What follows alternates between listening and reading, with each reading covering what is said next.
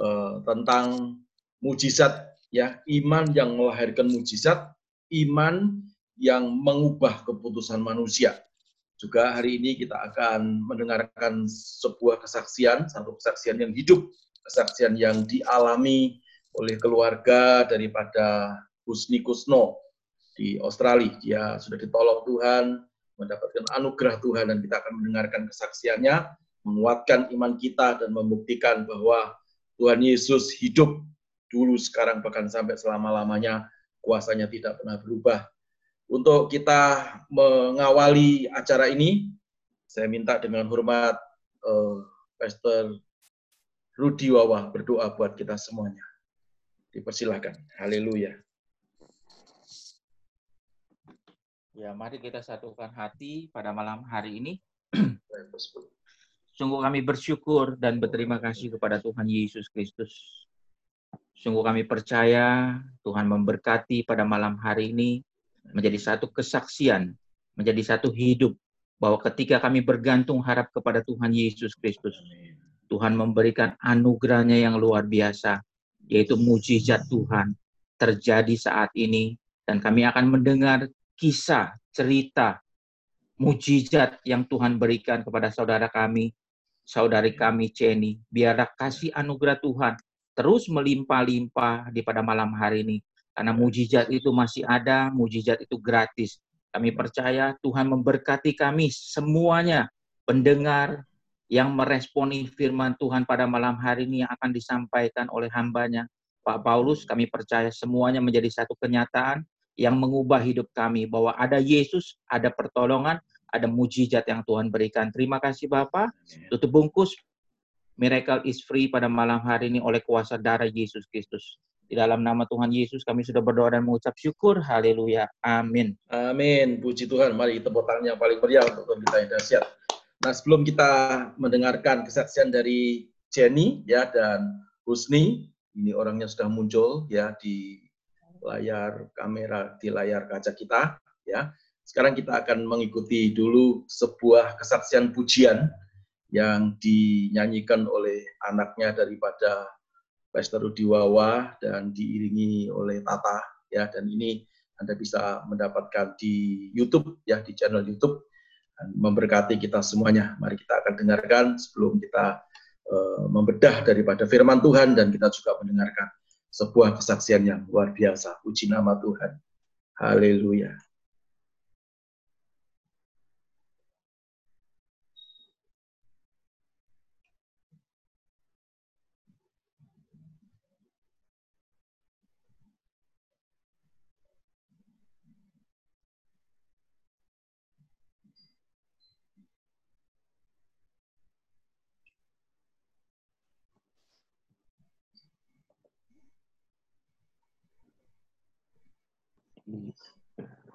Dibuka itunya Pak.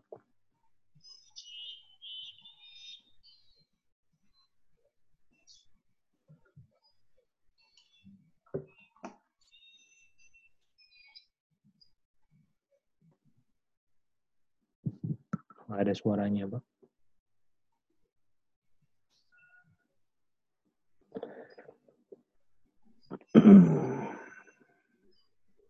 Dibuka itunya, Pak.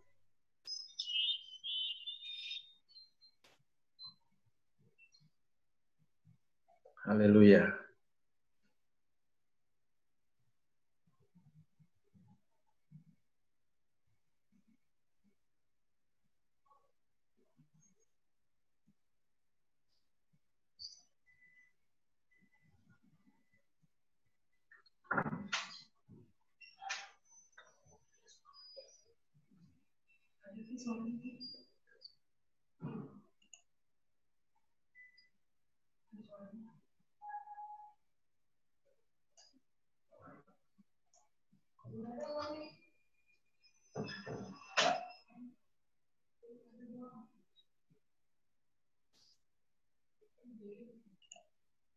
Saudara-saudara maaf ada sedikit gangguan teknis ya. Saya akan ulang karena ini suaranya tidak muncul. Ya, sebentar. Puji Tuhan. Suaranya tidak muncul. Tunggu.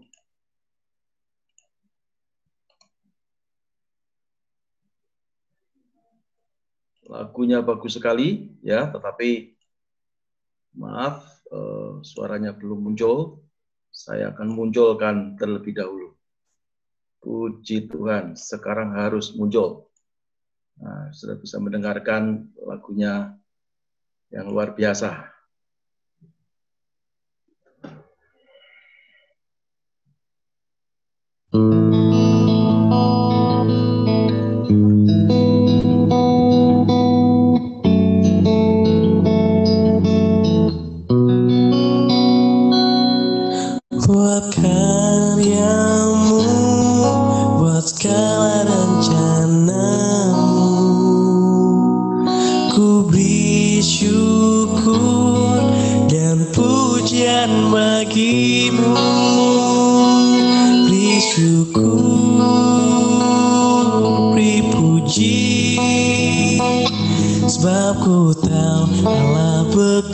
Bekerja buat kebaikanku. Beri syukur, beri puji Ku yakin rahmatmu besertaku. Amin. Buat segala hal yang tak ku mengerti Dengan iman ku serahkan padamu. Beri syukur, beri puji Sebab ku tahu Allah bekerja buat kebaikanku. Beri syukur,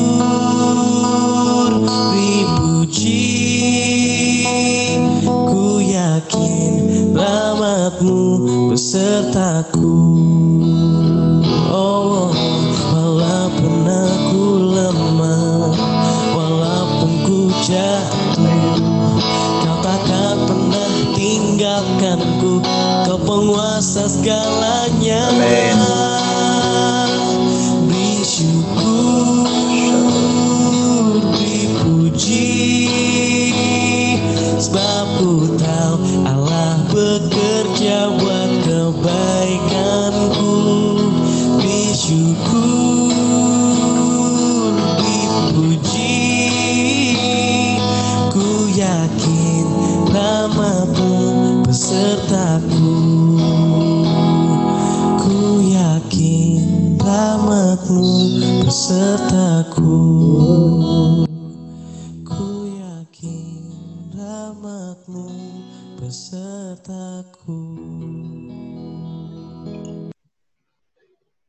nama Tuhan, saudara-saudara. Mari kita beri tepuk tangan yang paling meriah untuk Tuhan kita yang dahsyat. Luar biasa, ya. Eh, satu kesaksian lagu yang sangat memberkati saya terutama dan saya juga yakin dan percaya lagu ini membangkitkan iman kita, membangkitkan semangat kita dan saya yakin hari ini adalah hari yang sangat luar biasa, hari yang diberkati Tuhan. Nah, sebelum kita mendengarkan kesaksian daripada keluarga Ko Husni Kusno yang ada di sini, ya puji Tuhan, Shalom, Ko Husni, puji Tuhan dari Australia, ya sama Jenny dan siapa anaknya? Claire. Claire, ya puji nama Tuhan. Nah, saudara-saudara, luar biasa. Kita akan segera mendengarkan sebuah kesaksian, tetapi sebelumnya kita mau undang Ko Husni untuk memperkenalkan diri. Siapakah Anda? Ya, dan kenapa Anda ke Australia ya? Supaya kita semuanya kenal dan setelah itu kita sambung dengan kesaksian yang sangat luar biasa. Mari silakan.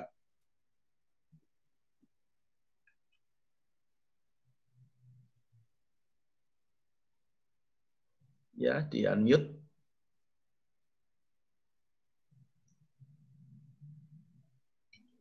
Oke, Shalom Pak Paulus.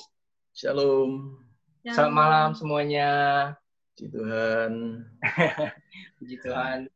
Semoga semuanya sehat-sehat saja ya eh, dan eh, eh, terutama di saat-saat yang eh, serba nggak menentu sekarang ini, eh, di mana pandemi ini sekarang sudah di mana-mana, uh, singkat aja, saya perkenalkan saya uh, perkenalkan nama saya Husni Kusno, uh, istri Hmm, saya. Ceni dan baby kami Claire. Claire.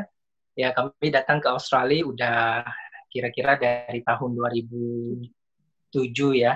Uh, terus uh, sejak itu uh, saya sebenarnya diundang kemari untuk untuk bekerja di sini gitu. Uh, sementara sem- uh, dulu saya punya toko komputer di Jakarta selama 10 tahun.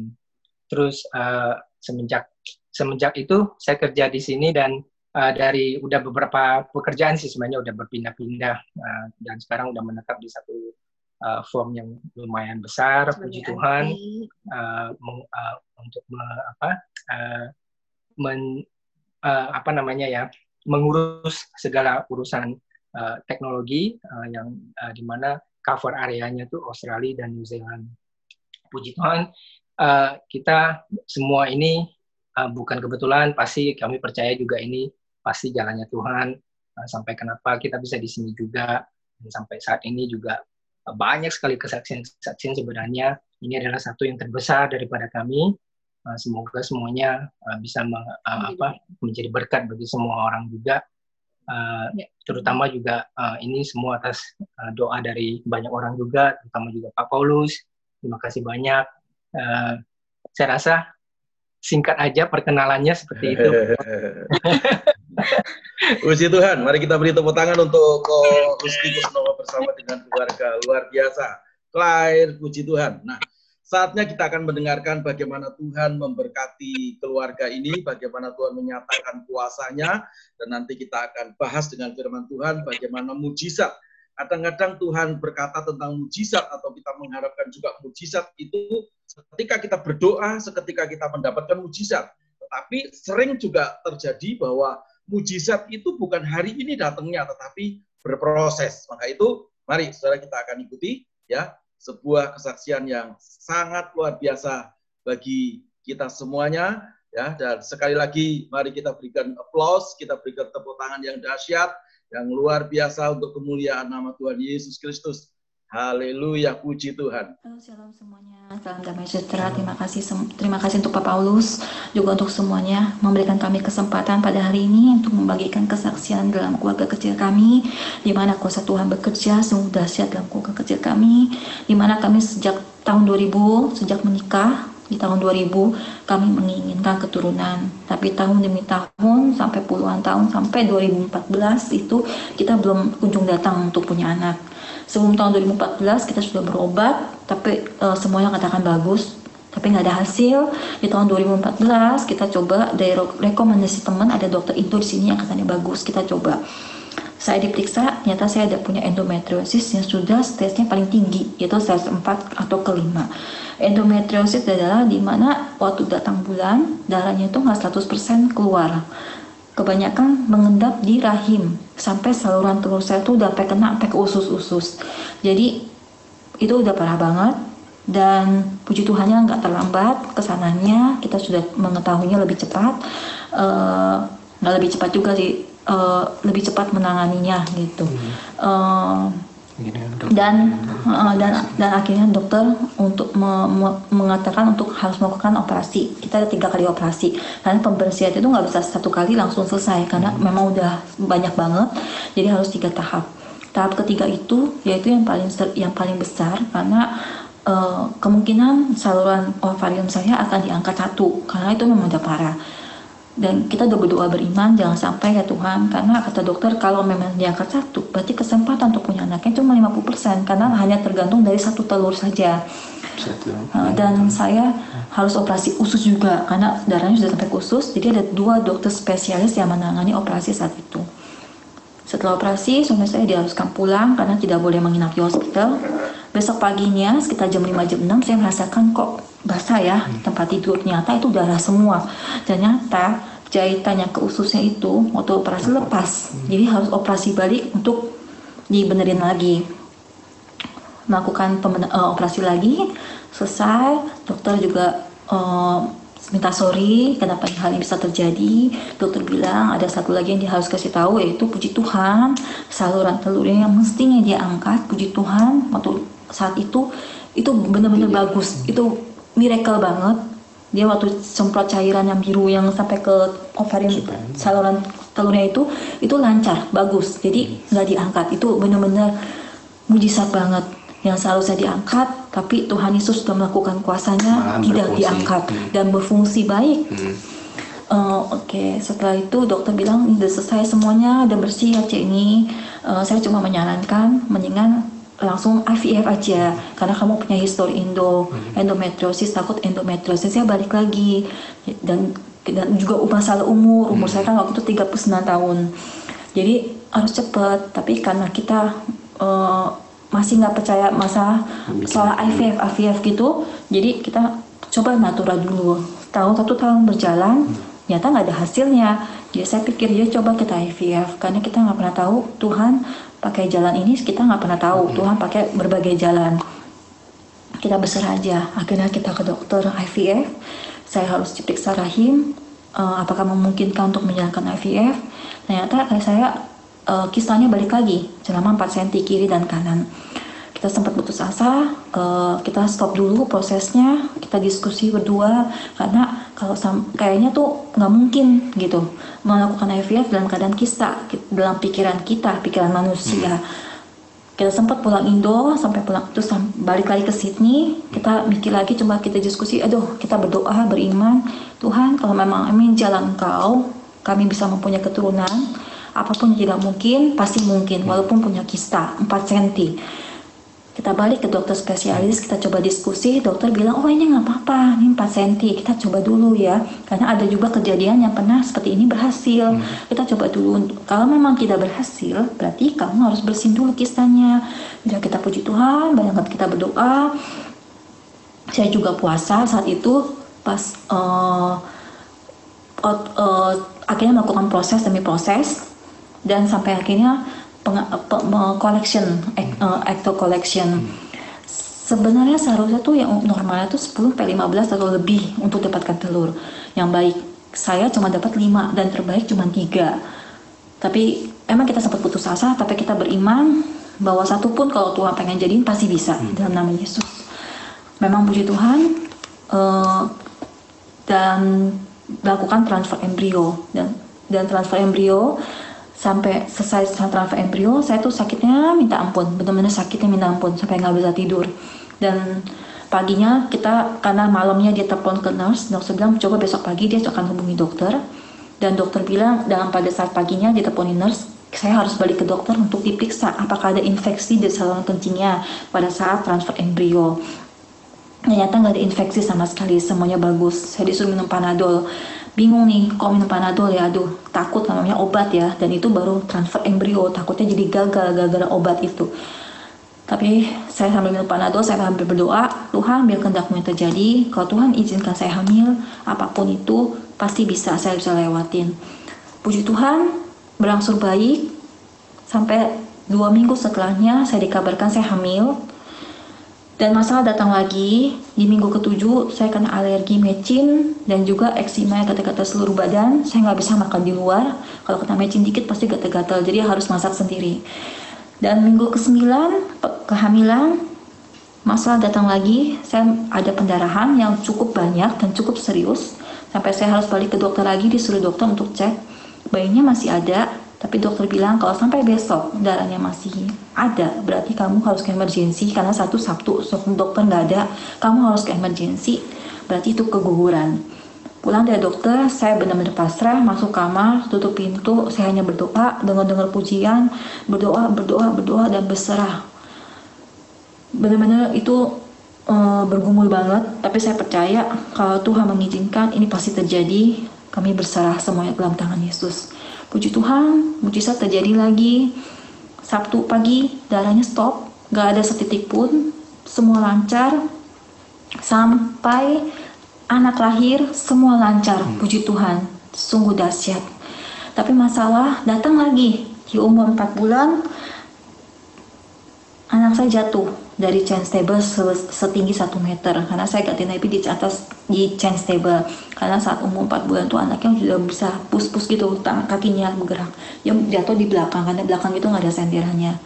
Jatuh akhirnya kita langsung buru-buru bawa ke emergency. Karena kita khawatir walaupun sudah ke dokter bawah katanya bilang nggak apa-apa. Tapi kita ke emergency. Setelah itu di emergency eh, di- diharuskan CT scan. Tetapi kita nggak mau karena Ya. takut radiasi Hmm. terus Jadi gimana? ya pada saat itu kita di, disuruh untuk uh, cek keseluruhan ya uh, terhadap anak kami gitu. Jadi uh, anak kami udah melewati berbagai tes gitu. Uh, singkat kata sebenarnya karena kita sempat di- disuruh pulang dan setelah dan nggak berlangsung lama, cuma se- sehari setelah disuruh pulang kita disuruh kembali karena ternyata ada kesalahan membaca dari dokter jaga yang ada di situ gitu. Jadi saat di situlah kita disuruh uh, anak kami disuruh cek semuanya MRI, CT scan, blood test, blood test itu pun uh, sampai nurse itu cari-cari nadinya nggak dapat itu sampai nangisnya minta ampun. Terus ronsen juga, ultrasound juga, semuanya di- dilakukan gitu. Sampai saya juga sempat berdebat dengan dokter kalau saya nggak mau anak saya di CT scan atau di ronsen karena uh, ada radiasinya. Tapi kita harus jalanin karena itu memang harus gitu. Ya, eh, sorry saya potong. Sebenarnya waktu jatuh di sensible itu jatuh, waktu di CT scan itu sebenarnya palanya nggak apa-apa. Jadi yang masalah itu adalah mereka menemukan darah lama. Darah lama, iya. Jadi mereka nanyakan apakah pernah kejadian jatuh atau kes- atau Sebelumnya. kejeduk sebelumnya. Mhm. Memang nggak pernah gitu. Ya, karena ditemukan di antara uh, uh, tempurung kepala dengan uh, otak itu ada ada kayak semacam um, endapan darah lama gitu. Nah makanya kenapa disuruh cek keseluruhan sampai kita pun diinvestigasi sama kayak semacam lembaga perlindungan anak di sini. Semuanya sudah lewat uh, tes semuanya juga udah lewat. Setelah Dan- satu minggu kita diharus eh, apa akhirnya kita di di diperbolehkan pulang ya. Iya, diperbolehkan pulang Dan- dan juga pada saat di rumah sakit pun kita minta bantuan doa dari Pak Paulus. Pak Paulus bu- bantu doa dan puasa. Kita Terima kasih banyak. sangat down sekali. Pak Paulus em, sudah memberikan kami kekuatan doa dan puasa untuk anak kami dan sampai kita disuruh pulang dan kami dokter harus monitor selama enam bulan sejak pulang Iya. ternyata selama enam bulan semua hasil bagus dan itu masih misteri buat dokter Iya. kenapa itu darahnya dari mana dan itu tiba-tiba tuh hilang semuanya hilang. Bahkan iya betul si sang dokter itu itu adalah kepala dokter anak di rumah sakit yang eh, rumah sakit anak di sini yang cukup besar. Sampai dia mengatakan eh, Claire itu merupakan misteri bagi dia karena kenapa ada darah lama itu dan sekarang hilang gitu. Dan puji Tuhan eh, mungkin cukup sampai di sini aja. Ini kesaksian yang luar biasa di kehidupan kami. Ini ini eh, kami sangat bersyukur sangat bersyukur sekali kepada Tuhan karena eh, kami sangat percaya eh, kasih karunia-Nya itu nyata uh, mukjizatnya itu nyata. Sedemikian lama kita berusaha, kami percaya karena pada sampai waktunya dan tepat pada waktunya kita tuh tidak pernah dikecewakan. Dan kami sangat Terima kasih, bersyukur, ya, terima kasih. bersyukur, terima kasih atas kesempatan ini. Puji Tuhan, terima kasih Pak Paulus. Biar melalui kesaksian ini menjadi, menjadi tu- eh, berkat untuk bagi orang banyak, kekuatan bagi orang bahwa jangan nggak usah takut karena Tuhan kita dahsyat yang tidak mungkin menjadi mungkin yang pikiran manusia itu eh, terbatas tapi Tuhan itu yang lebih tahu Tuhan yang atur semua kehidupan kita kuasa dia lebih hebat Haleluya. dahsyat terima kasih semuanya Terima shalom kasih. Shalom. Puji nama Tuhan. Sekali lagi berikan tepuk tangan yang paling meriah untuk Tuhan kita yang dahsyat. Haleluya, puji Tuhan. Nah, sebuah kesaksian yang sangat luar biasa ini ada klien ya dan ada Jenny dan semuanya luar biasa. Saya juga sudah mendapatkan cerita sebelum Zoom ini ya. Waktu itu kita ketemu di Kelapa Gading dan dia cerita dan saya sangat terkagum akan anugerah Tuhan ya. Sebab seperti tadi saya katakan, ada dua hal yang Tuhan kerjakan tentang mujizat. Yaitu yang pertama adalah Tuhan langsung menjawab apa yang menjadi doa kita. Dan yang kedua adalah ketika kita berdoa, ya kadang-kadang Tuhan izinkan ya terjadi seperti keluarga daripada Pak Husni, ya. Jadi melalui sebuah proses, proses harus dijalani, ya harus pergi ke dokter, harus operasi dan seterusnya. Tetapi pada akhirnya adalah ya dokter berkata kalau hamil ini akan e, menjadi satu resiko yang sangat besar, ya, tapi dimentahkan oleh imannya. Jadi imannya mementahkan sebuah keputusan manusia, ya. Kenapa itu terjadi? Karena mereka punya iman yang disandar harapkan. Kata sandar harap itu adalah sepenuhnya bergantung harap kepada Tuhan. Melalui pelajaran ini, saudara-saudara yang dikasih oleh Tuhan, jangan pernah takut. Ya, mujizat masih ada sampai hari ini. Mujizat masih berlaku sampai hari ini.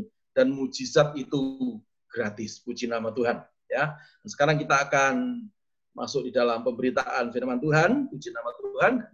Kita akan bersama-sama membaca sebuah firman ya dan judulnya seperti yang kita sudah umumkan yaitu tentang iman yang mengalahkan keputusan manusia. Sekali lagi terima kasih untuk Husni, untuk Jenny ya dan untuk kita semuanya.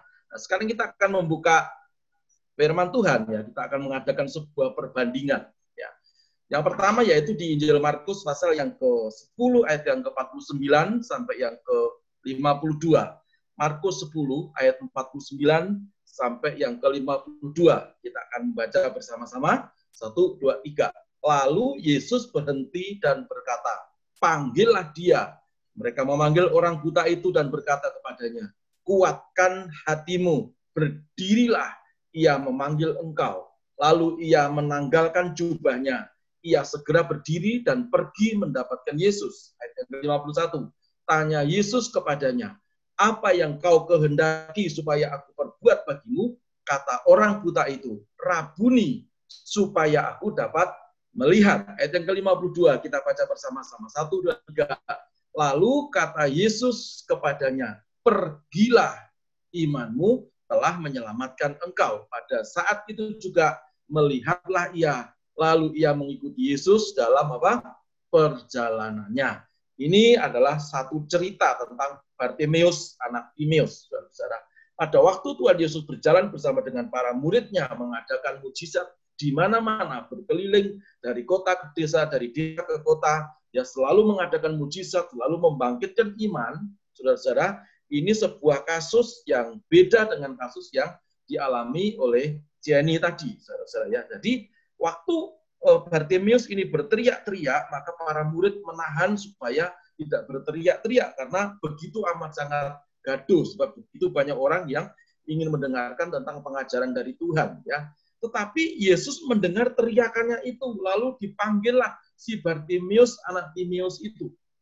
Ya, di ayat yang ke-51 ya kalau tadi kita sudah membacanya Yesus bertanya, "Apa yang kau kehendaki supaya aku perbuat bagimu?" Si Bartimius menjawab, "Rabuni, supaya aku dapat melihat. Perhatikan ya, ada uh, mujizat yang berjalan atau Tuhan izinkan seketika itu terjadi ya, yaitu pada waktu Bartimeus berkata, "Rabuni, supaya aku dapat melihat." Ayat yang ke-52 dikatakan, lalu Yesus berkata atau ber, uh, berkata kepada uh, Bartimeus, "Pergilah, imanmu telah menyelamatkan engkau."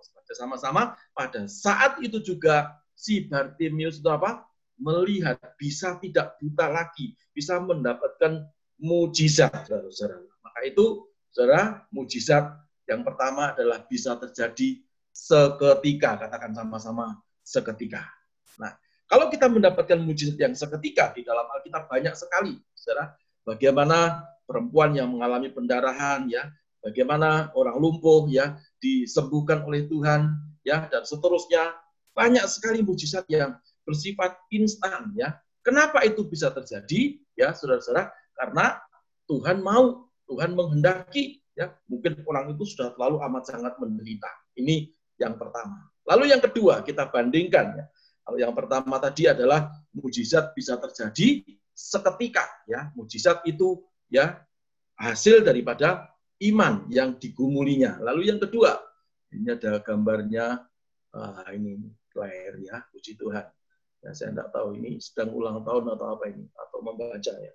Puji Tuhan. Lalu yang kedua, kita bandingkan dengan Yohanes pasal yang ke-9, ayat yang ke-6 sampai yang ke-7. Injil Yohanes pasal yang ke-9, ayat yang ke-6 sampai yang ke-7. Nah setelah ini, setelah khotbah ini, nanti saya akan membuka forum untuk kita saling mendoakan bagi saudara-saudara semua yang rindu didoakan di sini ada Pastor Fendi, ada saya, ada Pastor Rudi Wawa, ya, yang siap untuk mendoakan kita semuanya. Saya percaya mujizat bisa terjadi cepat, seketika, atau yang kedua, Yohanes pasal yang ke-9, ayat yang ke-6 sampai yang ke-7, baca bersama-sama, satu, dua, tiga. Setelah ia mengatakan semuanya itu, ia meludah ke tanah dan mengaduk ludahnya itu dengan tanah, lalu mengoleskannya pada mata orang buta tadi Ayat yang ketujuh sama-sama dua tiga.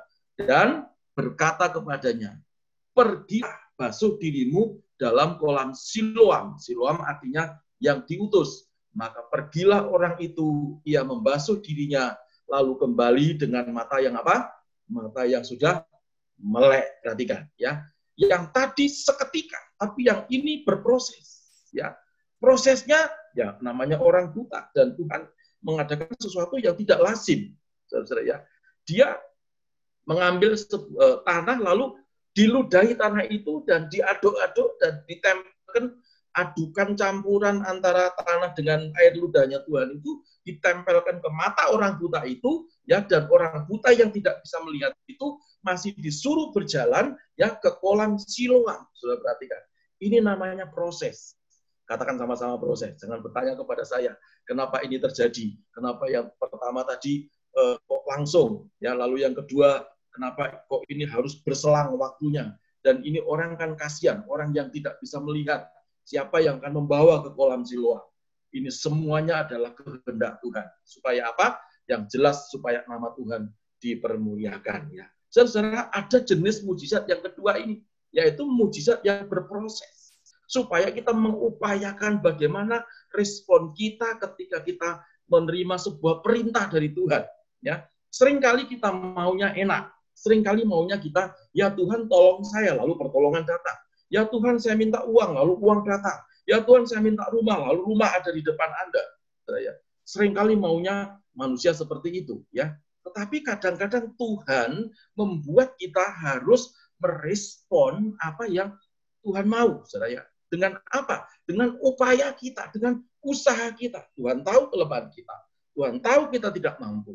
Nah, kalau saya juga membaca di dalam Alkitab bagaimana 10 orang yang kusta itu ketemu dengan Tuhan Yesus. Tuhan tidak langsung tumpangi tangan satu persatu lalu orang itu sembuh tidak, ya. Bahkan yang aneh adalah dalam kondisi yang uh, kusta, dalam kondisi yang menjijikkan, yang najis seperti itu, Yesus berkata, "Pergilah, tunjukkanlah dirimu kepada para imam-imam. Ya, saya perhatikan. Padahal kalau ada orang kusta, ya pergi ke kota, ya itu orang kusta semuanya ditaruh di pinggir kota. Dan kalau dia berjalan harus berkata najis, ya najis, najis. Kalau tidak berkata najis, maka jangan dilempari batu sampai mati, ya. Dan harus mengenakan sebuah pakaian khas orang kusta, ya.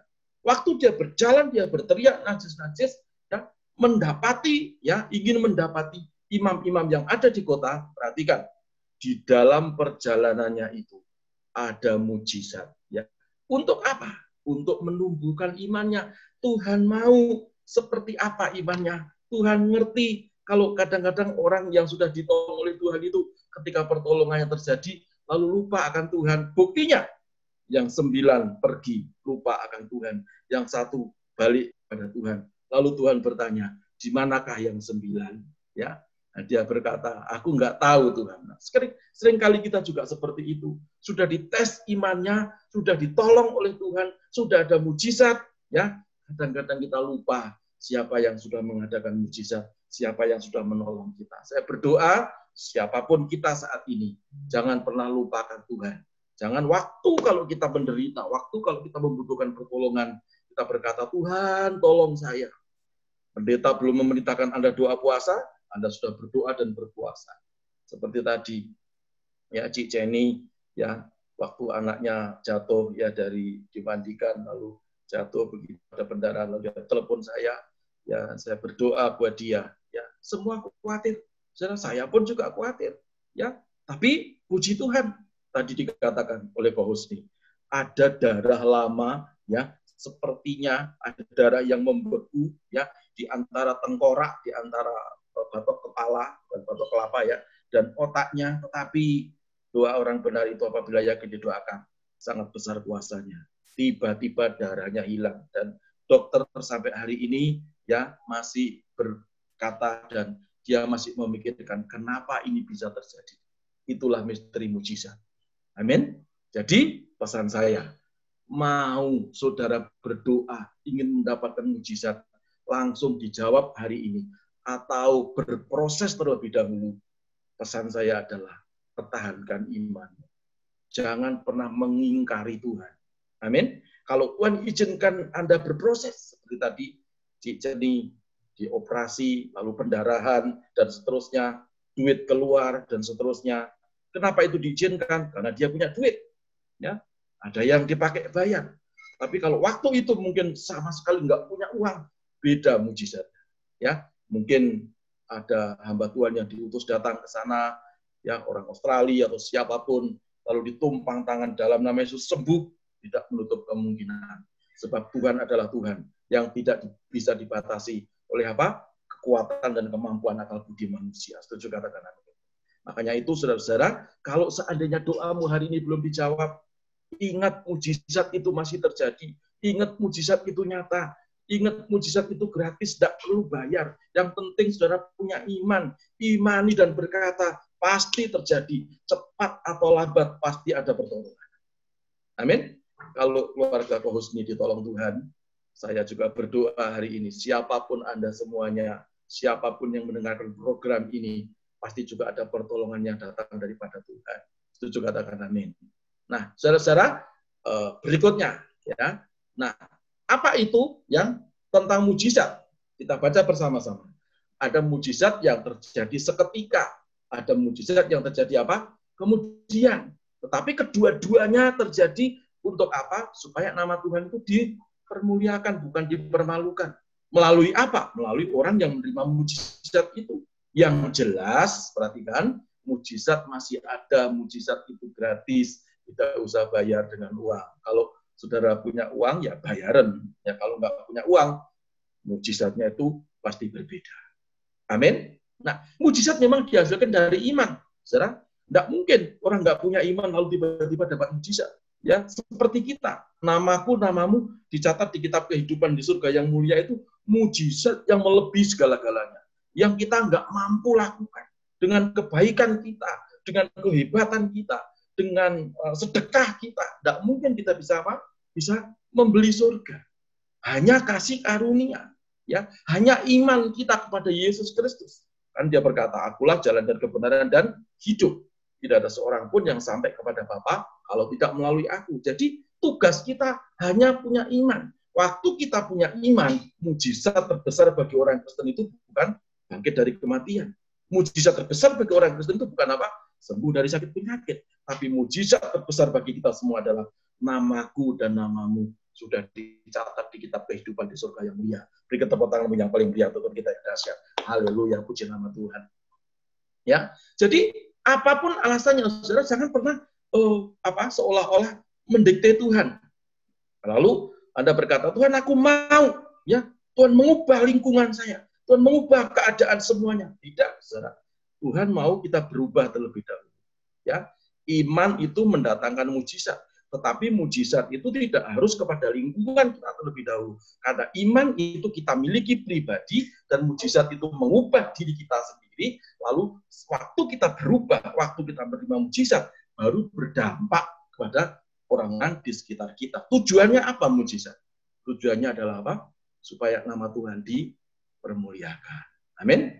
Jadi kalau hari-hari ini Anda diberkati Tuhan, ya, eh, Anda memiliki apa? rumah, Anda memiliki masa depan yang baik, Anda memiliki tabungan yang banyak, Anda memiliki mobil, ya, bukan untuk gagah-gagahan, tapi itu untuk hormat dan kemuliaan nama Tuhan. Amin. Kalau itu tujuannya untuk memuliakan Tuhan, saya yakin dan percaya. Entah doamu hari ini dijawab seketika atau belum dijawab hari ini, ya jawabnya baru tiga tahun yang akan datang. Seperti tadi Cik Jenny menikah tahun 2000, mendapatkan anak berapa puluh tahun, saudara-saudara. Tapi terus dia tunggu, terus dia berproses dengan imannya yang dia bangkitkan. Cik Jenny ini anaknya daripada Tante Sarce, almarhum. Tante Sarce sudah dipanggil Tuhan, beliau adalah pendoa. Pendoa saya pribadi. Beliau yang menyuruh saya itu menjadi gembala IHK. Ya, kalau nggak ada beliau saya nggak mungkin jadi gembala. Ya, saya jadi evangelis barangkali. Ya, jadi penginjil. Tapi beliau berkata sudah saatnya. Aku sudah melihat tongkat itu sudah bertunas. Ya, seperti itu. Ya, dan berkali-kali beliau cerita, berkali-kali beliau meneguhkan kepada saya. Makanya itu ya anaknya juga mendapatkan mujizat. bagaimana orang tua itu dekat kepada Tuhan, maka keturunannya ini juga akan dibela oleh Tuhan. Amin. Kan Daud berkata, dulu aku muda, sekarang aku sudah tua. Ya, tidak pernah kulihat orang benar apa ditinggalkannya dan anak cucunya apa separing-paring minta saya belum makan, tolong. Enggak pernah. Ya, kenapa? Apa orang ini benar? Tidak. Karena orang tuanya hidup benar, maka keturunannya juga dibetulkan oleh Tuhan. Hidupnya diberkati oleh Tuhan, mendapatkan mujizat dan mujizat itu gratis. Berikan tepuk tanganmu yang paling meriah untuk kita yang dahsyat. Haleluya. Puji nama Tuhan. Nah, sekarang kita lebih ke dalam lagi. Nah, sekarang gimana ya? Kalau tadi mujizat itu menghasilkan iman, iman menghasilkan mujizat. Ya, mujizat adalah hasil daripada iman, dibolak-balik sama saja. Pesan yang pertama adalah, saudara, mujizat itu terjadi kepada orang yang tidak lagi memiliki kemampuan. Sudah no hope, ya. Sudah tidak ada apa? harapan lagi. Markus 5 ayat yang ke-26 dalam uh, apa Alkitab bahasa Indonesia sehari-hari. Kita baca bersama-sama dengan suara keras. Satu, dua, tiga. Semua kekayaannya apa? Sudah habis dipakai untuk membayar dokter-dokter. Tetapi tidak ada yang dapat menyembuhkannya. Malah penyakitnya apa? Terus bertambah parah. Ini kisahnya apa? Kisahnya orang yang uh, wanita berdarah 12 tahun. Ya tadi kalau tadi Cik Jenny tadi ya cerita uh, basah pendarahan dan seterusnya itu hanya beberapa jam. Ini 12 tahun mengalami pendarahannya. Keliling ke mana-mana cari tabib, cari dokter, ya duitnya sudah habis dengan dikatakan dalam Alkitab terjemahan bahasa Indonesia sehari-hari, ya sudah habis dipakai untuk apa? membayar dokter-dokter, dokternya nggak gratis. Ya. Dokternya bukan hanya satu, dokter-dokter. Tetapi tidak ada yang dapat menyembuhkannya. Malah penyakitnya apa? Tambah parah. Perhatikan. Lalu dia datang kepada Tuhan Yesus dengan upayanya dia. Dengan sisa-sisa kemampuannya dia. Dia jamah jumlah jubahnya. Lalu Yesus terkejut dan bertanya, siapa yang menjamah jubahku? Sebab ada tenaga yang keluar daripada Perhatikan, kalau Anda datang kepada Tuhan, ya, dan Anda berkata, Tuhan, aku tidak punya lagi kemampuan apa-apa. Aku tidak bisa apa-apa, aku tidak sanggup lagi Tuhan. Ya, dan saudara datang kepada Tuhan Yesus dengan sisa-sisa kemampuanmu. Engkau jamah jumbai jubah Yesus. Saya yakin percaya. Engkau akan mendapatkan mujizat. Dan Yesus akan bertanya, siapa yang menjual menjamah jubahku? Ada mujizat yang keluar daripada diriku.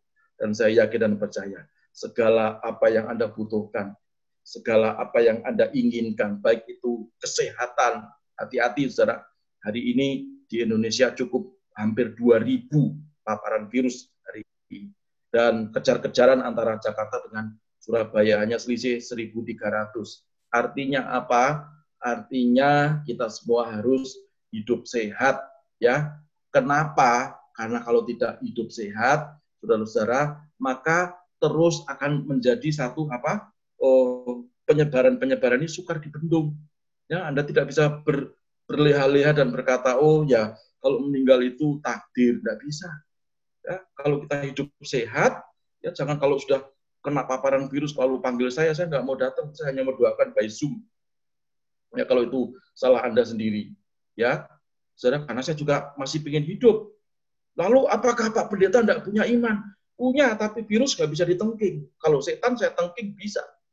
Dalam nama Yesus, bahkan tadi waktu saya mandi, saya kepikiran, miracle is free, ya, dalam bulan depan saya akan pakai khusus untuk bicara tentang apa? Tentang okultisme.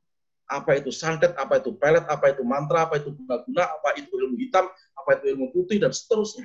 Ya, supaya kita mengerti. Apakah itu ada, Pak? Ini kan zaman modern. Ada. Ada. Apakah ada hipnotis? Banyak ya nanti yang kena hipnotis nanti saya undang juga untuk memberikan sebuah kesaksian. Gimana ceritanya kena hipnotis? Ya kepalanya cekot-cekot nggak bisa tidur. Linglung ya seperti itu ya.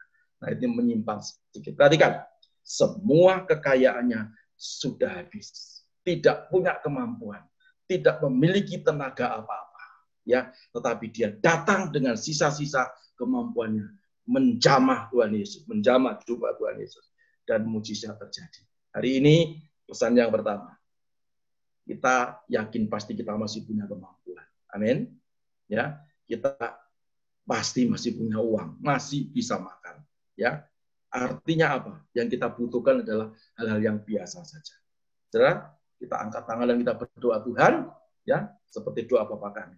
Datanglah kerajaanmu, jadilah kehendakmu di bumi, di dalam kehidupan keluargaku, di dalam pekerjaanku, di gerejaku, di mana pun engkau tempatkan, seperti di dalam apa?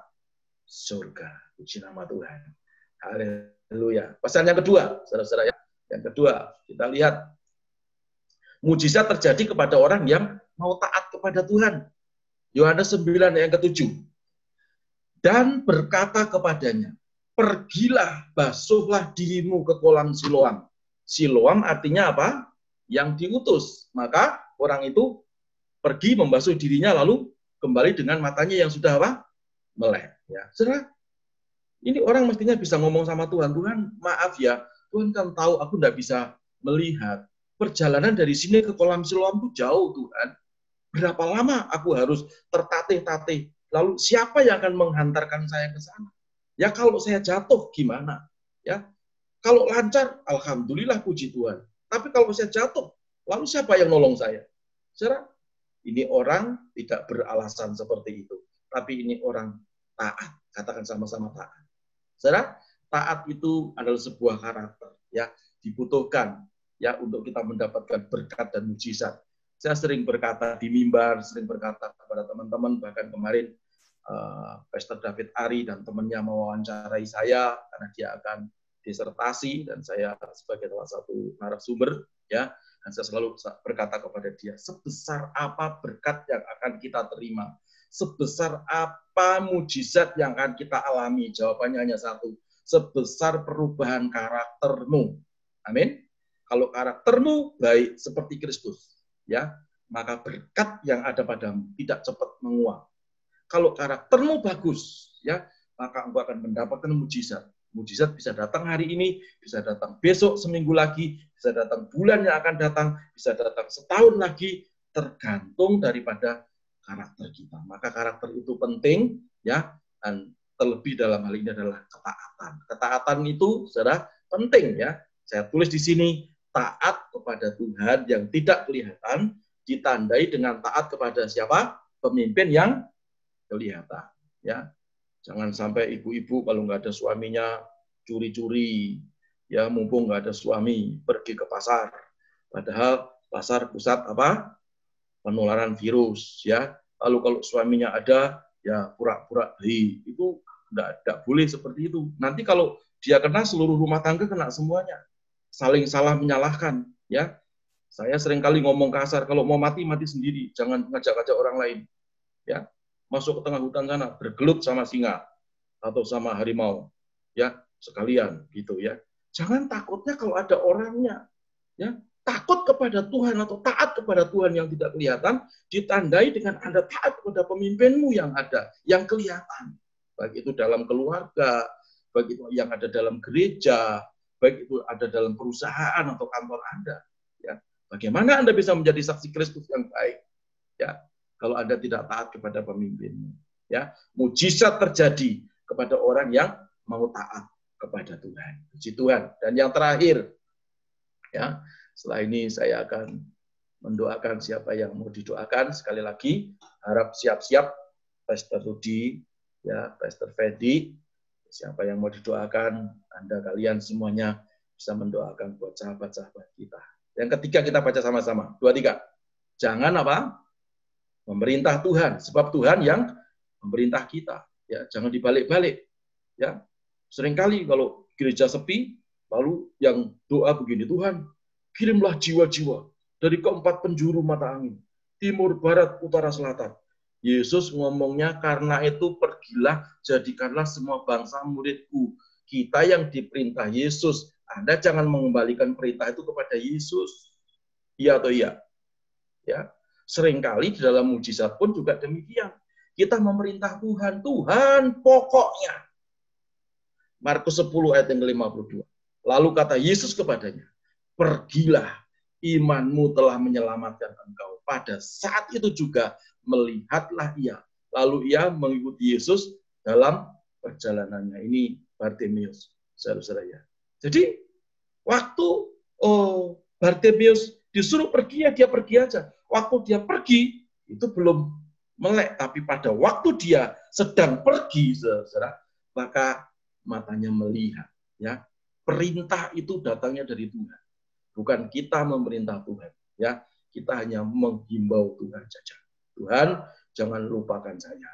Ingatlah bahwa saya ini anakmu. Nah, itu boleh. Ya, kalau ngancam-ngancam Tuhan, tidak boleh. Tuhan, kalau Tuhan tidak sembuhkan saya, saya nggak jadi Kristen, saya mau pindah gereja. Nah, sekarang pindah malah diusir.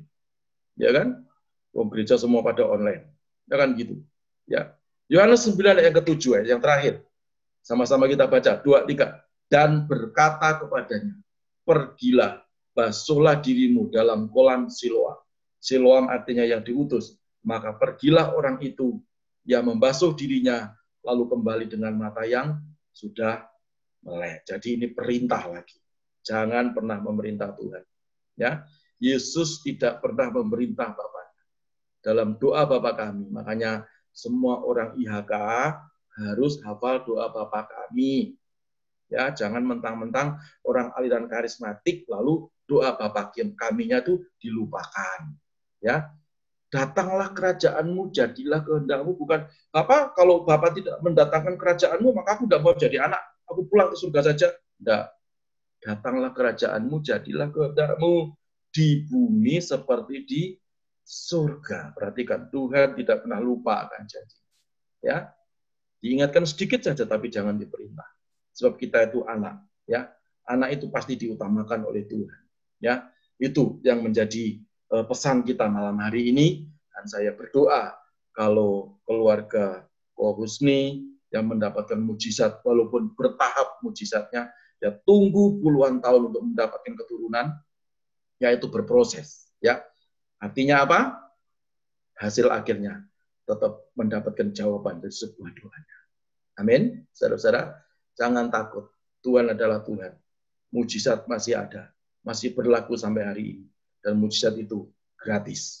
Siapkan iman, kasih makan iman dengan firman setiap hari. Maka engkau akan memiliki iman yang bertumbuh. Ya, pada waktu imanmu bertumbuh, katakan sepatah kata saja Tuhan. Ya, dan hambaku itu akan sembuh. Yesus imannya luar biasa. Nggak perlu ketemu sama orangnya. Ya, ya sudah kamu pulang saja, maka hambamu itu sembuh. Ya, hamba perwira Kapernaum itu disembuhkan oleh Tuhan. Yesus tidak berjumpa. Kenapa? Yesus memiliki iman yang luar biasa. Saudara, inilah pesan firman Tuhan malam hari ini pada acara Miracle Free. Saya berdoa supaya kita semuanya mendapatkan berkat anugerah yang sakit disembuhkan. Kalau tanggal 2 kemarin saya cek lab, kolesterol saya 350, hangover. Saudara, saya kira saya sudah mau mati ya badan rasanya tidak karu-karuan ya kesalahan mulut makan tidak karu-karuan semua daging disikat ya lalu bertarak lalu minum obat lalu berproses olahraga lalu tadi pagi ke laboratorium puji Tuhan semuanya normal tidak ada yang rapot merah lagi amin ya Saudara, mari kita kelola bait Allah ini dengan baik. Supaya apa? Supaya kita bisa menjadi berkat bagi orang lain. Amin. Mari kita tundukkan kepala. Kita berdoa. Bapak dalam surga kami mengucap syukur. Pesan firman-Mu sudah hamba-Mu sampaikan. Meneguhkan sebuah kesaksian yang luar biasa. Yang tidak bisa dimungkiri. Bahkan ini merupakan sebuah kesaksian yang hidup dari keluarga Husni Kusno Tuhan. Kami berdoa supaya kalau keluarga ini dijamah oleh Tuhan, mendapatkan anugerah, mendapatkan mujizat dari Tuhan. Setiap yang mendengar firman-Mu ini juga akan mendapatkan anugerah dan mujizat yang datang daripada Tuhan. Terima kasih Bapak, ialah firman-Mu tertanam di dalam hati kami dan bertumbuh berbuah-buah lebat. Kami diberkati dan kami menjadi berkat bagi sesama kami. Demi nama Yesus Tuhan, kami sudah berdoa dan mengucap syukur. Haleluya. Sama-sama berkata, Amin. Amin. Amin. Puji Tuhan. Haleluya. Nah, sekarang saya memberikan kesempatan kepada saudara-saudara semua ini yang ada di Facebook. Eh, nggak tahu hari ini kok tidak terlalu banyak. Ya, ada tujuh. Silahkan kalau Anda malu untuk eh, pakai suara, Anda bisa mengetik ya di kolom chatting. Ya, ada Ko Rudi nanti yang akan mendoakan. Ada juga Ko Fendi yang akan mendoakan kita semuanya. Dan saya percaya doa orang benar, benar apabila yakin didoakan. Sangat besar kuasanya. Puji nama Tuhan. Siapa yang didoakan? Haleluya. Kalau nggak ada ya tidak apa-apa. Kita tidak pernah memaksa ya. Ada Pak Agus, selamat datang, puji Tuhan. Ada Ibu Dokter Santi Sitorus dari Bandung, puji Tuhan.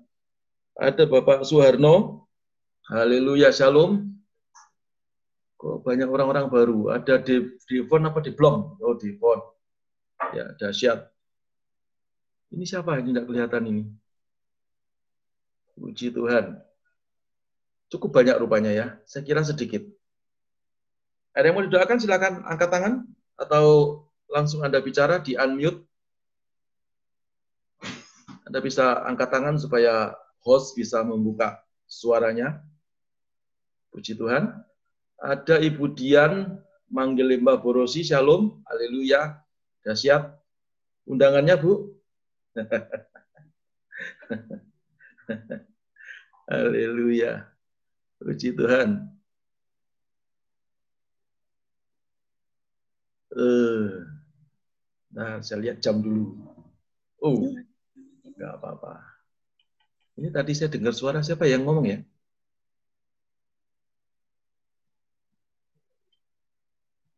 Ada Pastor Daniel dari Bandung. Dahsyat.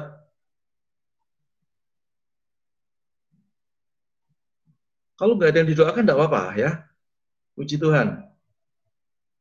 Hmm, luar biasa. Ini kok William Chen baru mau bergabung. Eh, minggu depan dia harus kesaksian bagaimana Tuhan memberkati rumah. Ya, luar biasa. Shalom William Chen. Dahsyat. Luar biasa. Orang lain sukar dapat rumah, dia dapat rumah. Tidak bayar. Hanya bayar renovasi saja. Haleluya. Puji Tuhan. Oke, tidak ada yang perlu didoakan. Kalau tidak ada, tidak persoalan, ya, tidak masalah. Yang penting Anda mengerti bagaimana mujizat itu terjadi. Jangan pernah mengandalkan kekuatan kita sendiri. Ya, manusia itu lemah. Ya, apalagi kita sudah melihat dengan bukti yang amat sangat nyata bahwa pertama orang kaya hari-hari ini yang kemarin mengandalkan kekayaannya hari ini banyak yang apa banyak yang belum tikar. Ya, ternyata dia tidak terlalu kaya karena antara aset dan utang itu jomblo. Ya. Utangnya terlalu tinggi, asetnya sedikit. Dan begitu ada persoalan, ya sudah tidak punya apa-apa. Orang pinter hari-hari ini nggak laku. Ya, pinter seperti apa? Saya nggak bisa. Ya kecuali yang memang sedang meriset ya sebuah penelitian tentang apa vaksin ya puji Tuhan kita Indonesia sudah bisa menemukan vaksin ya kita berdoa supaya segera bisa diproduksi besar-besaran oleh Bio Farma. Ibu Dian mau bicara Bu Dian? Hmm. Ya, enggak puji Tuhan Pak Pendeta bisa bergabung malam ini. Gitu kan. Ya, saya berdoa ya. buat Bu Dian ya terima supaya kasih Pak Pendeta. Rancangan-rancangan ya, terima kasih Pak Pendeta. Sama-sama. yang selalu topang dalam doa. Amin. Saya berdoa buat Ibu ya. Saya arahkan tangan saya buat Ibu. Amin. Ibu taruh tanganmu di dada. Saya berdoa dalam nama Amin. Yesus Tuhan. Kami berdoa buat Amin. Ibu Dian. Dan kami percaya Tuhan Amin. sudah angkat segala kecemasan-kecemasan di dalam Amin. hidupnya. Amin. Dan jiwa menjadi kuat sebab jiwanya diisi oleh firman Tuhan, Amin. diisi dengan puji-pujian dan penyembahan sehingga di dalam Amin. jiwanya yang terdiri dari pikiran, perasaan dan kehendaknya ditaklukkan dan diarahkan kepada Kristus sehingga seluruh hidupnya menjadi sehat walafiat dan diberkati. Kami serahkan Amin. masa depannya bersama dengan keluarga besarnya. Dan kami percaya Tuhan terus menjaga dan melindungi beliau. Dalam nama Yesus Tuhan, Amin. kami Amin. berdoa. Haleluya. Amin. Puji Tuhan. Amin. Yang lain? Oke, kalau nggak ada saya lanjutkan cerita tentang vaksin tadi ya. Saudara, Jadi vaksin ini sudah ditemukan dan kita berdoa Indonesia itu memang modalnya nekat ya orang nekat itu dalam kondisi yang nekat itu biasanya tambah pintar. Tapi kalau orang semua serba ada, semua serba berkecukupan itu mikirnya itu kadang-kadang malah lambat ya. Dalam kondisi yang tertekan rakyat Indonesia kan 260 sekian juta bayangkan ya. Kondisi ekonomi seperti ini tapi puji Tuhan para pemimpin-pemimpin, para profesor sudah menemukan uh, vaksin yang nanti akan di apa ditingkatkan terus. Kita berdoa ya supaya Indonesia menjadi negara yang maju dan kita semua diberkati oleh Tuhan. Puji Tuhan. Pak Agus, ada yang disampaikan Pak Agus? Di unmute dulu Pak. Di unmute. Ya, salam Pak. Ya. Iya, iya Pak Paulus. Ini Pak Agus atau Pak Fadiansah? Faranisa. Oh, pakai istrinya punya nama. Haleluya. Tadi yang ngomong siapa ya? Pak Agus Vera, Pak mana. Pak Agus Vera? Mana kok nggak kelihatan di saya? Hai dong, hai dong. Oh ya, silakan Kak Agus. Kak Agus, ada yang perlu didoain? Kopedi siap mendoakan. Ada Agus lain itu. Oh ya, ada dua Agus di sini. Dahsyat. Tidak ada? Oke, kalau nggak ada, nggak masalah ya. Dan sekali lagi, saudara, mari tingkatkan iman kita. Jangan andalkan kemampuan kita. Ya, jangan andalkan kekuatan kita, jangan andalkan koneksi. Semua akan rapuh, ya. Tapi kalau saudara andalkan Tuhan, ya, pasti kita akan dapatkan mujizat. Ya, saat kita angkat tangan, Tuhan akan turun tangan. Tapi kalau kita angkat tangan terus, eh, kalau kita turun tangan terus, Tuhannya yang angkat tangan. Ya sudah, kamu yang turun tangan, kamu yang menangani semuanya, ya aku angkat tangan. Ya, tapi kalau kita ngomong sama Tuhan, Tuhan aku tidak mampu, aku tidak sanggup, ya pasti Tuhan akan tolong kita. Puji Tuhan. Haleluya. Pesan-pesan mungkin dari Pastor Daniel, silakan sampaikan satu dua pesan kepada kita semuanya dan pendeta itu harus memberikan pesan. Unmute. Silakan. Belum. Yes. Ya, Tuhan yang diberkati dengan kesaksiannya. Kiranya kita semuanya tetap jaga iman kita, iman kita tetap eh, fokus kepada Tuhan, maka pertolongan Tuhan juga akan nyata dalam kehidupan kita. Amin. Amin. Sudah. Ya, padat, singkat, dan cukup berisi. Haleluya. Puji Tuhan. Ya, tepuk tangan untuk Pastor Daniel. Oke. Yang lain tidak ada, mari kita tutup dengan doa. Atau Ibu Santi Sitorus? Tidak ada gambarnya. Korudi, angkat tangan tadi. Tidak ya? Oh, saya kira angkat tangan. Boleh angkat tangan, jangan asal eh, asal jangan angkat kaki. Ya, puji Tuhan. Haleluya. Oke, saudara, mari kita dudukkan kepala, kita berdoa. Tapi sebelumnya, mari kita bersama-sama, kita akan eh, berdoa Bapak kami, ya. Nanti saya minta Korudi, ya, tutup di dalam doa. Puji nama Tuhan. Haleluya. Saudara, sebelum kita tutup, ya, saya ingatkan kembali bahwa Gereja IHK minggu besok kita masih ibadah online, kita belum bisa ibadah offline ya karena paparan-paparan virus masih memprihatinkan. Jadi eh, kita belum bisa seperti gereja-gereja yang lain karena kita harus memiliki hikmat ya.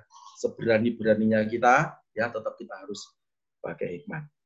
Puji nama Tuhan, kita tundukkan kepala, kita berdoa Bapa kami, lalu saya minta Korudi Wawa menutup di dalam doa. Puji nama Tuhan. Kita buka kedua tangan kita. Karena itu berdoalah demikian. Bapa kami yang ada di surga, dikuduskanlah namamu, datanglah kerajaanmu, jadilah kehendakmu di bumi seperti di surga. Berikanlah kami pada hari ini makanan kami yang secukupnya, dan ampunilah kami akan kesalahan kami, seperti kami juga mengampuni orang yang bersalah kepada kami. Dan janganlah membawa kami ke dalam pencobaan, tetapi lepaskanlah kami daripada yang jahat, karena engkaulah yang mempunyai kerajaan, dan kuasa, dan kemuliaan, sampai selama-lamanya. Amin. Silakan. Oh, haleluya, haleluya.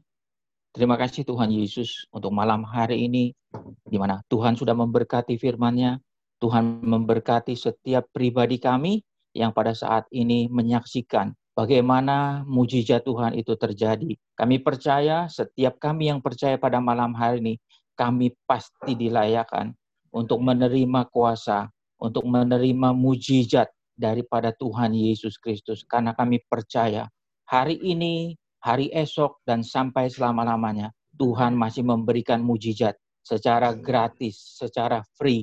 Karena kami adalah anak Tuhan Yesus, anak kemuliaan Tuhan. Dan kami percaya dan kami pun boleh berdoa. Untuk Pak Gembala kami Pak Paulus Eko Dianto biarlah dia terus ada di dalam kebenaran firman Tuhan sehingga dia boleh menyaksikan kebaikan, kemurahan, damai sejahtera Tuhan mengikutinya, mengikuti umur hidupnya dan terlebih lagi Tuhan kami percaya Tuhan memberkati gereja IHK.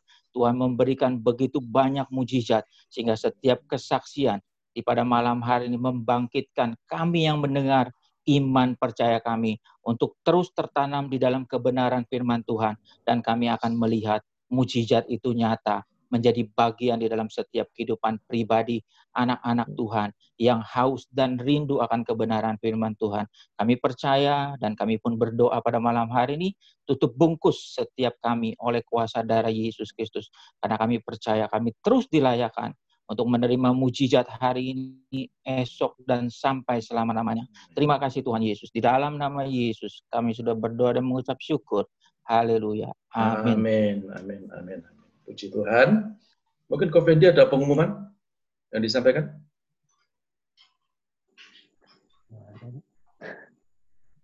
Nggak ada, Pak. Tadi udah, Pak. Oke. Ya, nggak ada pengumuman. Kalau begitu, selamat malam semuanya. Eh, teman-teman yang dahsyat, luar biasa kita akan ketemu Kamis yang akan datang. Dan Australia juga, thank you. Ya, Tuhan Yesus memberkati. Halo, Cemi jangan pulang dulu ke Indonesia ya tunggu uh, situasi sudah baik baru nanti pulang kalau kamu tidak pulang saya yang ke sana Haleluya. sama Pak Agus, sama Rudi Wawa, ya. sama Kok Halo semuanya, salam kenal. Halo. Ya. Gaptek, gaptek, Paulus. Ya, silahkan ada yang mau ngobrol-ngobrol boleh kok ya. Janji ya Pak Paulus datang ya, sama Kowawa ya. juga keluarga. Saya, Kovendi, Kowawa. Daniel tidak usah, Daniel. Daniel di Bandung aja. Kita tur nanti, Pak. Kovendi mungkin bisa dimatikan ya. Babynya ya, Jenny ya. Facebooknya Kovendi. Hmm. Silakan ada ngobrol-ngobrol, tidak apa-apa. Ini Mami mau ngobrol. Ya. Halo, Jenny. Silakan yang mau oh boleh, yang mau lanjut ngobrol ya boleh ya. Kalau saya sih mau pengen ngobrol. Kalau saya mau tanya sama uh, Bos nih, gimana Australia? Katanya kemarin uh, di Sydney aja 300 lebih ya? Uh, total keseluruhan hari uh, kemarin itu 502 Pak Bolus. Yang paling banyak sekarang di Victoria. Jadi state yang di mana Melbourne itu loh Pak. Itu kemarin itu 484 kasus dan hari ini 403. Sementara di Sydney sendiri, artinya di daerah uh, New South Wales, itu uh, cuma sekitar uh, di, di Sydney ya, cuma sekitar 19 hari ini. Oh, 19. Mm-mm. Jadi uh,